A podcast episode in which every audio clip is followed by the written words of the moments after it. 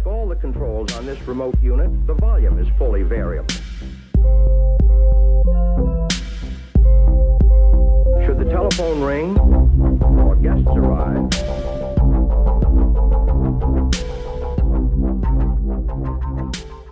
Vad jag ska prata om idag är eh, lite grann om eh, en bakgrund, hjärtstopp, hur vanligt är och, eh, eh och så vidare. Och eh, lite grann om vård efter hjärtstopp och varför TTM. TTM står ju, det är ett begrepp, det står för Target Temperature Management, TTM. Det kommer ni att eh, föra mer om här under föreläsningen. Lite grann också om vad som finns i pipeline. Hot or cool, det är ju det som är frågan.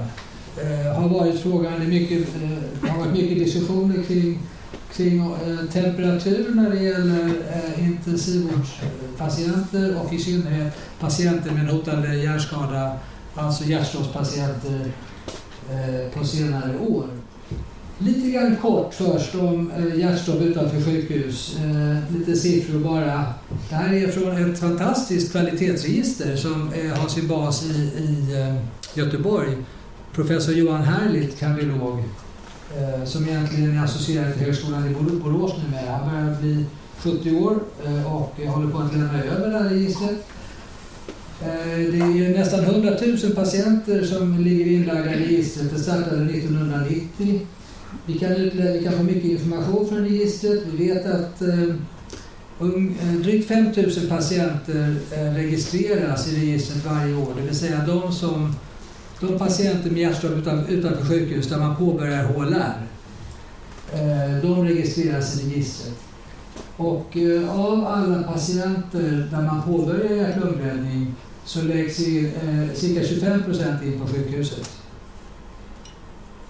Och av de patienter som eh, läggs in på sjukhus, det vill säga återfår cirkulation, av dem så är det knappt hälften, eller ungefär 11 procent av de 5000 som kan skrivas ut från sjukhuset och de flesta av dem har eh, eh, eh, god neurologisk funktion, men inte alla. Så det är liksom panoramat, det är storleksordningen på, på problemet. Och eh, jag kan väl säga också att av de här som läggs in på sjukhus så läggs ju de allra flesta in hos oss på intensivvårdsavdelningen, men ungefär 10 procent hinner vakna Eh, när de kommer till sjukhuset och ofta läggs de patienterna på en, HIA till exempel. Eh, mer data från registret. Det här är åldersprofilen på patienterna och även könsprofilen, män och kvinnor. Det här är ju till stor, i stor utsträckning en manlig sjukdom, ungefär 70 procent är män. Medelåldern 68 år i registret och karriär i ungefär två tredjedelar av fallen. Det här är en positiv bild av hur utvecklingen har varit eh, eh, för de som drabbas av plötsligt hjärtstopp utanför sjukhus. Eh, och den blåa kurvan som stiger brant, det är de patienterna som har en VT eller ventrikeltakykardi eller ventrikelflimmer som initialrytm. Och som ni ser Eh, det är mer än en tredjedel av de patienterna som överlever eh, 30 dagar. Det här är 30 dagars överlevnad. Vilket är enastående bra. Patienterna med eh, asystoli eller PEA, Pulseless Electrical Activity, går det inte lika bra för. Men som ni ser, det är ändå procentuellt en ordentlig förbättring jämfört med starten av registret. Eh, och det som är intressant, eh, nu ska jag visa bara preliminära data som vi nyligen har tagit fram eh, från registret. Där vi, jag menar, vi pratar lite slarvigt om non-shockable rhythms. Men det handlar ju om då asystoli och PA. Det är ganska olika entiteter. Men ofta rapporteras de ju tillsammans. Men om vi separerar dem och tittar i ett stort patientmaterial som i vårt register, då ser det ut så här. Det är en ganska remarkabel förändring som sker eh, i gruppen PEA. Asystolipatienterna ligger kvar på eh, en mycket låg, usel prognos kan man säga. I princip eh, är det ju det är väldigt få som som överlever som inte får, eh, eh som återfår spontan cirkulation på plats. Och eh, nivån överlevnaden ligger kvar på 1 medan överlevnaden bland PA-patienterna har femfaldigats faktiskt de senaste 10-12 åren. Det kan man diskutera mycket om, det är en föreläsning för sig själv. Men det tar vi nästa gång. Eh, och som sagt, eh, ökade överlevnadstal. Varför? Det är naturligtvis många orsaker till att det går mycket bättre för de här patienterna eh, som drabbas av hjärtstopp. Eh, men en sak som inte har bidragit det är ju eh, framkörningstiderna för ambulanserna. För de tiderna är faktiskt längre idag än vad de var för tio år sedan. Däremot är eh, eh, medvetenheten i samhället betydligt bättre. Vi är mycket bättre på att göra bystander HLR vi är världsledande när det gäller det i Skandinavien. 70-80 procent av alla har fått bystander HLR vilket är ganska unikt. När det gäller vård efter hjärtstopp, då kan man väl säga att de här två studierna som publicerades 2002, det var ju verkligen vändpunkten för den här patient, patientgruppen. Jag minns, många minns här kanske vad vi, vad, hur vi vårdade de här patienterna innan 2002. Man la dem i ett hörn av intensivvårdsavdelningen och väntade. Det var ingen särskilt intresse, ingen aktivitet kring patienterna. Det förändrades ju dramatiskt i och med att de här studierna publicerades som faktiskt för första gången pekade på att det fanns en intervention som vi kunde erbjuda de här patienterna. Och interventionen var då nedkylning, sänkt kroppstemperatur till, i det här fallet, i de här två studierna, till 33 grader. De, de publicerades eh, i samma nummer av New England 2002 och på bilden där är det, eh, tror jag, den första patienten vi vårdade efter hjärtstopp med nedkylning. I alla fall, vi inkluderade patienten i, eh, den 5 maj i Helsingborg 2002. Eh, de här studierna medförde verkligen eh, ett paradigmskifte. Plötsligt eh, intresserade sig Eh, vi, och våra kollegor vi intresserade oss för patientgruppen. Patienterna fick bättre vård i alla avseenden. Till och med kardiologerna intresserade sig för den här gruppen. Eh, och eh, eh, eh det har ju bidragit till att eh, överlevnadstalen är så, så mycket bättre på IVA av patienter som vårdas efter hjärtstopp. Men vi ska gå igenom lite grann och det här utmynnar ju då i de studierna vi har genomfört. Vad vet vi egentligen? Vad är bakgrunden till att vi sänker kroppstemperaturen? Ja, det är ju eh, en ganska lång historia bak i tiden med djurexperiment och även eh, case reports eh, som, som, som det finns ganska gott om. Men om vi tittar på djurstudierna, vad har vi lärt från djurstudierna? Ja, det finns ju hjärtstoppsmodeller och det är ju i princip två typer av interventioner. Den ena, den ena principen det är ju eh, nedkylning före eller under själva cirkulationsstilleståndet, intraikemisk. Och eh, det är ingen som ifrågasätter att intraikemisk eller preikemisk hypotermi är protektivt, neuroprotektivt och att det är, är bra för, för eh, eh råttan i det här fallet. Däremot när det gäller postikemisk hypotermi, det är en kontroversiell fråga. Eh, kanske inte på råtta, men på andra species. Eh, och det är det här som vi håller på att borra lite mer i nu. För vad är egentligen gjort? Vad är visat? Vi säger lite slarvigt, ja men det vet ju alla på djurförsöken, att det fungerar jättebra att kyla efter hjärtstopp.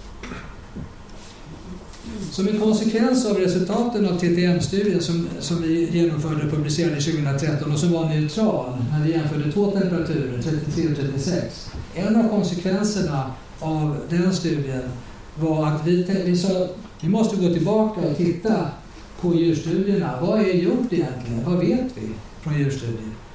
Så det började med att vi satte två termin 10-studenter på, det här var deras eh, eh masterarbete och eh, det här är den, än så länge den enda publikationen vi har. Det här är alltså protokollarbetet som vi publicerar. Hur, vi visar hur viktig väga i den här systematiska översikten och metaanalysen av eh, befintliga djurstudier. Och jag kommer inte eh, att berätta så mycket mer om det, mer än att eh, vad, vad, vi kan se. Eh, de har gjort ett enormt arbete, de här två studenterna, och vi håller på att sammanfatta resultaten av metaanalysen. Och man kan sammanfattningsvis säga att det finns väldigt svagt bevisvärde för att kylning efter hjärtstopp på större djur än gnagare är skyddande. Eh, även de studier som är gjorda på råtta är, är brokiga och stökiga och av eh, väldigt olika kvalitet. Så det finns ett stort frågetecken kring konceptet post-kemisk nedkylning. Så centrala frågor eh, när det gäller just djurmodeller Eh, det är ju förstås vilken klinisk relevans har de här försöken på råtta? Och fungerar konceptet på större däggdjur? Jag har precis lämnat in en ansökan, jag berättade för Lars i, häromdagen till Hjärt-Lungfonden att vi vill göra om försök på 50 kilos grisar och testa det här konceptet. Vi får se om vi får tilldelning av medel. Studierna behöver göras på stora däggdjur. Om postkemisk nedkylning har effekt. Vi har tre armar i den studien vi söker pengar för. Det är postkemisk nedkylning med start en timme efter hjärtstopp och det är intrakemisk kylning lite grann med berg på prinsesstudien som jag ser att eh, Sune sitter här uppe. Eh, eh, för det har ju också klinisk relevans med intrakemisk eh, nedkylning, det vill säga under pågående hjärtstopp. Ett annat problem som vi återkommande eh, upptäckt i djurstudierna det är ju den artificiella uppvärmning av kontrolldjuren man har. Hur många känner till det? Att man sätter en stor värmelampa i, i, i skallen på de här djuren eh, för att de ska vara normoterma. Men hur fysiologiskt är det? Jag ställde frågan till Malin idag om hur de gör. Mm. Det, är, det är ett problem som jag ser det och det problemet kan illustreras med den här studien. Det är från den fina gruppen i Pittsburgh. Eh, Pat Kohanek som är chef för Safari-institutet i Pittsburgh. Och den här publicerades år 2000. Jag har inte sett någon annan liknande studie som denna. Vad de gjorde var att de hade en grupp av råttor som de höll vid 37 grader med en värmelampa. Den andra gruppen råttor lät de bara få den temperatur de fick. Jag menar, ni vet, en människa, vi, när vi får patienterna att driva efter ett hjärtstopp, de har ju 35 och 3 i mediantemperatur. I alla fall i TTN-studien. De är kalla. Och det är råttor också. Om man låter dem bli kalla. Så i den här studien där har eh, sju eh, av 15 djur dog när man satte en värmelampa i skallen på dem. Och alla överlevde och det bara lät deras temperatur var den spontana. Och så här ser det ut, och det här är sex djur. Så här ser det de kallar permissive hypothermia ut eh, på de här sex råttorna. Och det här är då tidsspannet, jag bara markerat, åtta timmar. De är ju liksom hypoterma i alla fall åtta timmar efter, efter hjärtstoppet. Och hur går det då? Ja, så här ser det ut om man jämför vid 72 timmar. Och då har du eh, permissive hypothermia, ser ut så här. Medan kontrollerna som har fått en värmelampa för att hålla dem vid normotermi har en signifikant högre eh, andel neuron som är döda i, i det här känsliga CR1-området. Den här effekten kvarstannar dock inte fullt ut. Utan, eh, eller den kvarstannar inte. I sex veckor ser det ut så här. Men någonting gallerleder när man, eh, när man eh, värmer kontrolldjuren så som görs i experimentella försök. Så det måste man ta höjd för. Vad vet vi när det gäller människa? Ja, det är ju rätt mycket gjort, eh, både på olika storlekar av, av eh, våra eh, eh, nyfödda barn och vuxna. Det är en hel del skrivet. När det gäller nyfödda och asfixi så är man ju överens i, i, i, om att, att det finns en god överens. Det finns eh, ett stort antal randomiserade kontrollerade studier på eh, nyfödda som visar en, entydigt att, eh, att sänka temperaturen på en nyfödd det är bra, det är produktivt. Det är En bättre överlevnad och bättre neurologisk funktion. Det kan man säga, TTM36 har inte testats. Jag är inte säker på att man kommer göra den studien. Men man har inte jämfört med eh, bara eh, undvika feber i, i de här studierna. Det kanske aldrig blir gjort. Men det är en, en god evidens för nedkylning på nyfödda eh, bebisar. Det har kommit ett par studier på barn eh, de senaste åren. En är den här studien, hjärtstopp utanför sjukhus. Eh, en grupp i USA. Det är En ganska speciell studie det här, en ganska speciell patientgrupp. Jag menar, vilka barn är det som drabbas av hjärtstopp utanför sjukhus? Det är 60 asystoli, det är 60 obevittnade, 70% respiratorisk orsak, mycket hög mortalitet. Och eh, i den här studien var medianåldern två år. Svårt att tolka, svårt att ta till sig riktigt. Resultaten visade ingen skillnad. Men det fanns en fördel, en signal, en ganska tydlig signal, fördel 33. Det är ett lite udda utfallsmått också här, en typ av neurologisk funktion som var som, en, som eh, lite svår att tolka. Men som sagt, eh, ingen skillnad. När det gäller hjärtstopp på sjukhus, också barn, samma grupp, eh, så är den publicerad också ganska nyligen. Något år sedan, två år sedan. Eh, och när det gäller hjärtstopp på sjukhus, det är också en speciell grupp bebisar. De är, det är framförallt barn med medfödda hjärtfel. Medelåldern, eh, medianåldern var ett år. Eh, där var absolut ingen skillnad på interventionen jämfört med eh, normoterapi. Det här är vår egen studie som publicerades för fem år sedan nu. Eh, TTM-studien. TTM och i TTM-studien var det ingen som helst skillnad i det primära utfallsmåttet som var eh, eh, mortalitet efter sex månader. Men vi har gjort en stor mängd studier på andra utfallsmått, neurologisk funktion, kognitiv funktion och så vidare. Det finns ingenstans någon signal att, eh, att inte i subgrupper heller faktiskt, att 33 skulle vara bättre än 36. Däremot ser vi i några eh, fall signaler om att 36 skulle vara bättre än 33. Inga skillnader. 31-studier har ju fått stor uppmärksamhet. Ett sätt att mäta eh, uppmärksamheten på det är att något som heter Altmetrics score. Hur många här känner till Altmetrics score? Ja, en några stycken. Det är, det är, det, det är, de har en algoritm, jag vet inte exakt hur de gör, men det är en algoritm som fångar upp eh, det som skrivs, det som pratas om på bloggar, sociala medier, eh, eh, radio, tv, nyheter och så vidare. Och där, där har TTM-studier klarat sig bra i alla fall. Det här är ett högt score. Det här, det här är det som de kallar sin donut, the altmetrics donut, som ger dig ett värde och eh, en typ av score. Den är också väl citerad eh, eh, under de här fem åren. Vi lyckades också eh, att eh, påverka guidelines i den riktningen som vi hoppades. Så tillvida att eh, man säger att eh, i guidelines numera sedan 2015, och det är en förändring sedan guidelines 2010, då säger man att TTM is recommended for adults after out of hospital cardiac arrest with an initial shockable rhythm who remain unresponsive after ROSC. Strong recommendation, low quality of evidence. Det är grade-systemet va? Det har ett lågt bevisvärde men en stark rekommendation. Det går ju fint att ha det så. Den här skulle ha stått högst upp, för det är det som är huvudbudskapet i guidelines lågt bevisvärde. Sen säger guidelines också att Uh, det är, eh, maintain a uh, constant target temperature between 32 and 36. Det är strong recommendation, moderate quality of evidence.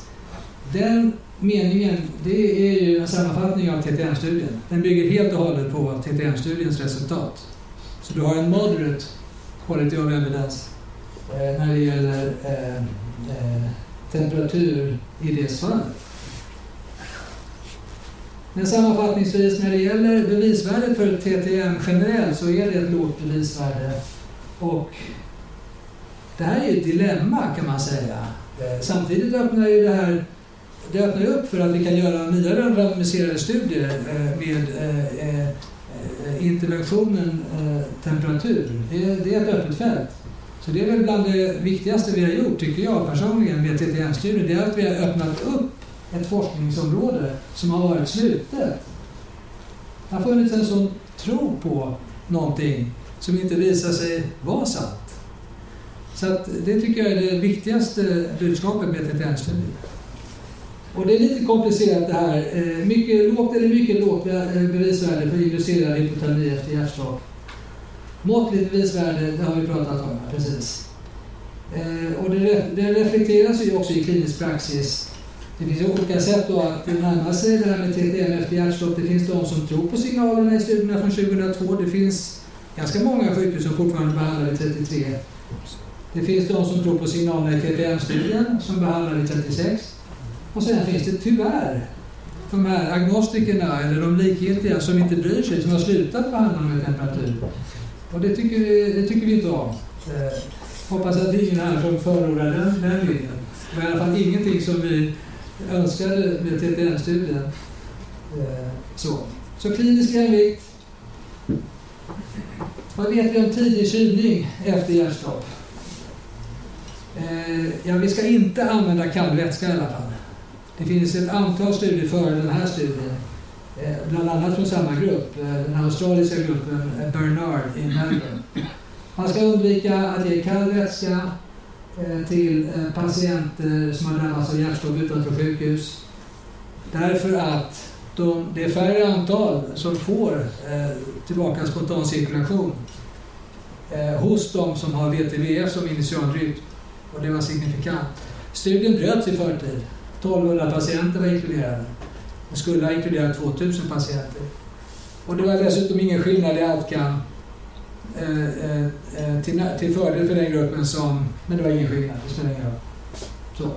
Sen har vi den här mycket intressanta studien som leds från eh, Södersjukhuset. Eh, Princess-studien som är en uppfölj, fortsättning på Prince-studien. Där eh, bevittnade hjärtstopp utanför sjukhus randomiseras till antingen tidig kylning, alltså gärna under HLR, eller ingen kylning prehospitalt. Och här kommer man ju undan problemet med kalla vätskor. Här är det ju den här eh, intranasala kylningen eller den här substansen som ger effektiv sänkning av temperaturen på eh, kort tid. Och eh, den här eh, prinsesstudien är färdiginkluderad och ungefär, jag vet inte exakt, Sune vet exakt, men ungefär 700 patienter, det stämmer va? Ja, ungefär. Och eh, eh, resultatet enligt, jag pratade med Per, per Norberg på SÖS om det här, den ska ju redovisas på American Heart Associations möte i höst. Mycket spännande att se resultatet, vi ser fram emot det. Så nästa steg, vad ser vad klockan är. Uh, eh, nästa steg vad är det? Om, ja, vi, vi, går lite snabbt igenom det här. Om man pratar om att genomföra kliniska studier, så när det gäller temperaturreglering så är fas 1-studier gjorda. Fas 2-studier som är effektivitetsstudier, de är gjorda. Vi menar att eh, det här är fina fas 2-studier, de här som istället tolkades av, eh, av kollegorna som eh, eh fas 3-studier. Men Vi bedömer att de är bra fas 2-studier så att fas 3-studierna behöver göras, de stora pragmatiska studierna som eh, visar hur en intervention fungerar i klinisk praxis. Den studien gjordes aldrig för 15 år sedan. Den skulle ha gjorts. Istället gjordes, gjorde vi TTM-studier, men det är ju en ren dos-responsstudie. Vi har bara, svarat, vi har bara besvarat en frågeställning och det är 33-36. Ja, det är samma effekt. Men vi säger ingenting om det är bra eller dåligt. Så fas 3-studien måste göras och det är den som nu har startat. Det är TTM2-studien som är igång. Vi har inkluderat 87 patienter tror jag att det är. Eh, och eh, den är, hypotesen är då att man kan säga att det här är en modern HAKA-studie. Det vill säga, vi jämför, vi ger 33 en chans till. Och sen låter vi patienterna i kontrollgruppen ha, eh, de, de får, vi tillåter att de får en temperaturstegring. Så hypotesen är att snabb, snabb nedkylning till 33 förbättrar utfallet. Och interventionen då är tänkt att se ut så här. Om patienten når 37 och 8 som är den gula, eh, det är den lägsta definitionen av feber som vi har identifierat. Och eh, grafen bakom, det är den här grafen, temperaturgrafen från den ursprungliga HAKA-studien. Om patienterna i kontrollgruppen får 37,8, då lägger vi dem på 37,5 kontrollerad temperatur. Det är så designen är i TTM-2-studien.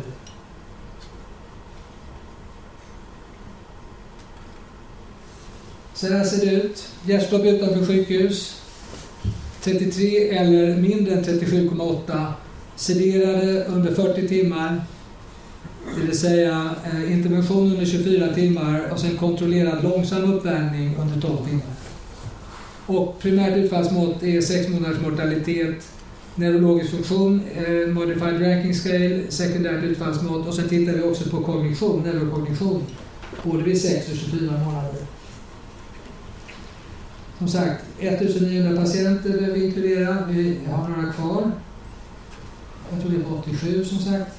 Och inklusionskriterierna är eh, följande.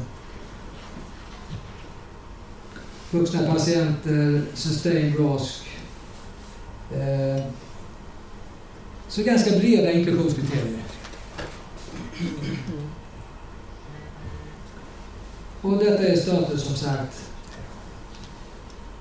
Och målsättningen är att vi inom 3 till 6 månader är fullt igång då på alla sites. Det är både amerikanska sites, flera sites i Australien, men framförallt är det en europeisk studie i ett tiotal, tolv kanske, länder i Europa. Och vi räknar med att vi ska vara klara med rekryteringen om två år. Om intresse finns, besök vår hemsida eller kontakta mig. Slutligen vill jag göra reklam för vårt möte som vi ordnar nästa gång i maj 2019. Två dagars möte, dag ett prognostisering, dag två uppföljning och rehabilitering. Jag vill avsluta med den här lilla söta bilden. Tack ska ni ha.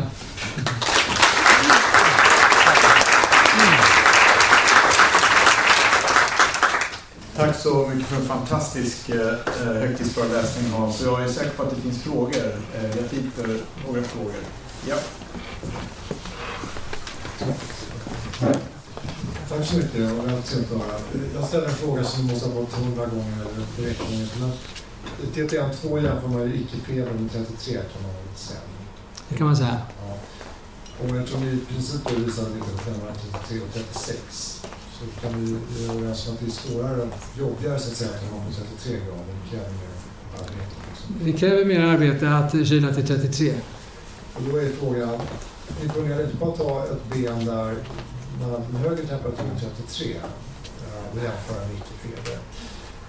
Jag förstår att det kan vara svårt att separera grupperna och så vidare, men har ni några tankar på det? Om man till exempel skulle låta rök 36 eller kanske 35, 36 och alltså mått zonen mot icke-feber.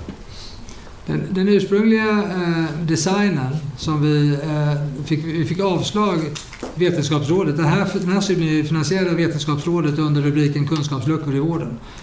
Men vi hade från början en trearmad design där vi, eh, eh där vi eh, eh ville ha 33 och 36 igen mot eh, ingen temperaturkontroll. vi fick avslag på det och de bad oss designa en tvåarmad studie. Det här var det bästa vi kom upp med.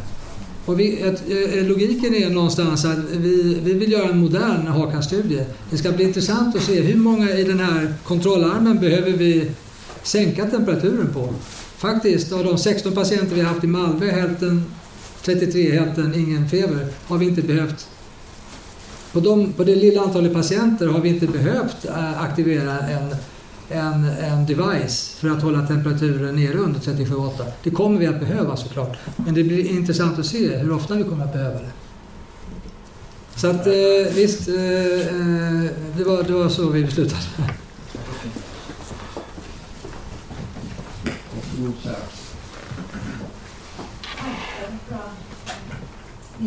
tänkte att du pratade om att det finns lite ekopolis och det finns fler grupper av behandling som består nu. De som kör med 33, de som kör med 36 och de som kör ingen tempkontroll alls.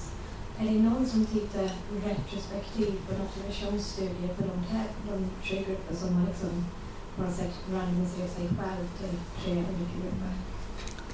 Menar du, eh, det finns ju ett par studier som har tittat på vad har hänt efter att man har ändrat eh, strategi? Är det, är, det som, är det den frågan du undrar över? Jag pratar om att eh, man har tre kliniska praxis, praxis nu och det skulle kunna vara intressant att jämföra det. Det är liksom Just det. Det finns ju åtminstone två studier som jämför det här. Hur har det gått för patienterna? Hur går det för patienterna nu jämfört med tidigare? Och det finns två australiska studier publicerade i Resuscitation till exempel, en hygglig tidskrift. Som i den ena visar att temperaturkontrollen blev sämre och det kanske gick sämre för patienterna när man, hade, eh, när man ändrade till 36. Den andra studien, också från Australien, visar tvärtom att det går kanske bättre för patienterna när man ändrar till 36. Det här är lite grann i huvudet på investigators tror jag. Vi kommer aldrig få några svar från, eh, eh från den typen av studier som jämför eh, före och efter. Utan vi måste få svaret i, i, i prospektiva studier. Nej, men just, ni skulle kunna eh, undersöka det samma, samma tid i samma land om man har tre olika Jaha. olika. Ja, det borde ju vara genomförbart, men jag tror inte egentligen heller att det besvarar någon fråga. Men det vore intressant att titta på sådana data. Jag, jag förstår vad du menar. Jag tänkte eftersom ni pratade om att ni hade ville ha tre arm på er randomiserat studie, Ja. Ja, men jag förstår.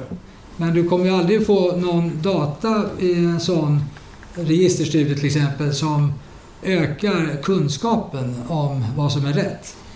Om man ska hårdra det.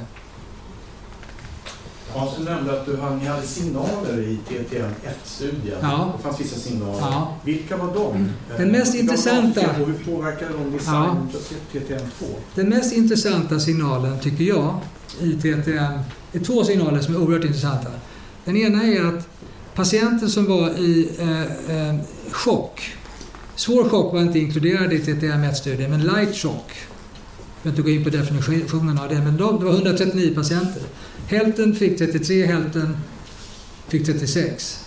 Det var signifikant ökad IVA-dödlighet i 33-gruppen hos patienter som var i en, hade chock vid admission. Det kommer vi följa upp. I år eh, i TTN2-studien inkluderar, inkluderar vi fler patienter. För det var ju tvärt emot vad alla trodde. Mm. Chock har ju visat sig på färska, friska grisar. Det är bra att kyla grisar, friska grisar om de är i kardiogen chock. Och det här är, är ju en typ av kardiogen chock i TTM-studien. Det är en signal, det är ingenting annat än signal. Vi kommer följa upp det i TTM2-studien. Det andra som är intressant. Många tror att okej, vi har en lång ischemitid. Låt oss kyla patienten eh, längre. En lång ischemitid, det ger en större dos av hypotermi. Är, är ju många som tror. Många har ju sådana protokoll faktiskt. Men det visar sig precis, eh, den signalen vi hittade när det gällde ischemitider och de båda grupperna. Det var att det fanns en liten signal att det var bättre med 33 hos de patienterna som hade korta ischemitider. En, en lindrig insult. Medan de patienterna som hade långa ischemitider, där fanns det tvärtom en signal att 36 var bättre. Precis tvärt vad man skulle kunna tro. Hängde ni med i resonemanget? Men det talar ju väldigt starkt Hans, för att både det här dos-respons, att det här one size fits all, one temperature fits all. Det kanske måste till en dos-respons och kanske en, Ja. ett, ett, ett letande efter en subgrupp eller den Absolut. som kräver en viss typ av Precis. temperaturreglering för just det specifika insulten. Så om du frågar, om du frågar mig helt ovetenskapligt så tror jag eh, eh, när det gäller eh, eh, eh, produktion, eh, kyla. Jag tror att man måste kyla snabbt och det är därför vi betonar snabb nedkylning i TTN2-studien. Jag tror att de som kanske kan ha nytta av det är de som har korta ischemitider. En lindrigare insult. Där kommer vi kunna titta på i eh, ett större, en större kohort i, i TTN2-studien. Och det blir oerhört spännande att se om den tanken eh, håller. Vi kommer inte kunna besvara den frågan i TTN2-studien men vi kommer kunna titta på den studera den. Ja, tack ska du ha Hans. Alltså, jag vet inte hur man ska tänka här, om man får spekulera lite. Säg att den här TTM2, att 33 ger ett bättre utfall. Och sen har du TTM1 som visar att det är ingen skillnad på 33 och 36. Hur skulle du behandla en patient efter de två studierna med det utfallet? Jaha. Eh, Jag skulle inte behandla vid 37,8. Nej, men det förstår jag. Utan frågan- Räcker inte det som svar? 36, så kan man göra så att man går tillbaka och säger att TTM var ju 33, så det var samma och i det här fallet har det visat Alltså, Ja, det är en bra fråga och det, jag har inget eh, absolut svar på det. Man måste naturligtvis titta lite grann. Jag, jag, jag, vi tror ju fortfarande att våra resultat från TTM1-studien är valida. Så spontant kan jag säga 36 går- är fine. Men om det finns andra signaler i den här dubbelt så stora studien som tydligt visar att så är fallet, då blir det svårt att inte eh, eh, överväga att gå tillbaka till, till 33. Men det är inte det första jag skulle göra utan jag skulle eh, börja med att åtminstone säga yes, vi har en studie som är neutral. Man kanske får göra en metaanalys av de studier som är gjorda.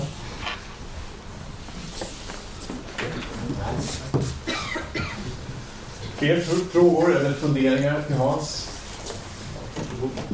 Ja, jag är lite off den här kylningen, men jag, jag bara tänkte bra siffror på, eller på asfyxiska nyfödda. Det är väldigt annorlunda i kemiskt trauma. Alltså, det är ju ett, ett pågående, en pågående historia som inte är abrupt utan det är liksom en, en asfyxi, en, en ischemi som kommer och går under lång tid. Så det, går- jag menar, det går ju inte att jämföra dem överhuvudtaget. Det som är nyfödda som funkar bra, uppenbarligen. Eller hur? Jag håller med. Kristina? Sista frågan. Ja, det måste vara bra. Tack för en väldigt intressant föreläsning. Jag, eh, såsom fertilitetsriskintresserad som du vet, och SIR och så, vi har ju funderat lite kring det problemet att i olika delar av landet riskera olika åtgärder. Ja. Hypotermi kontra temperaturkontroll kontra nor- normotemperatur. Och vi kan inte få rätta koderna från Socialstyrelsen. Det här är lite bekymmersamt. Och vi sen kanske vi tittar vårt register också. Jag vet inte om du har någon kommentar? För jag vet att Stockholm och Lund gör olika till exempel. Nej, det är ett stort bekymmer. Vi kommer inte kunna använda SIR-data för, eh, för att titta på eh, eh, vad som har gjorts när det gäller temperaturintervention. Det finns ju inte den, den, den informationen finns inte. Nej, för det finns inget konsensus hur vi ska Nej, det är synd. här. Det är synd kan jag Ja. tycka. Det skulle vara roligt om vi kunde bestämma oss för det ena eller det andra. Ja, jag håller med. Reflektion bara. Så, tack så hemskt mycket Hans för ett alldeles lysande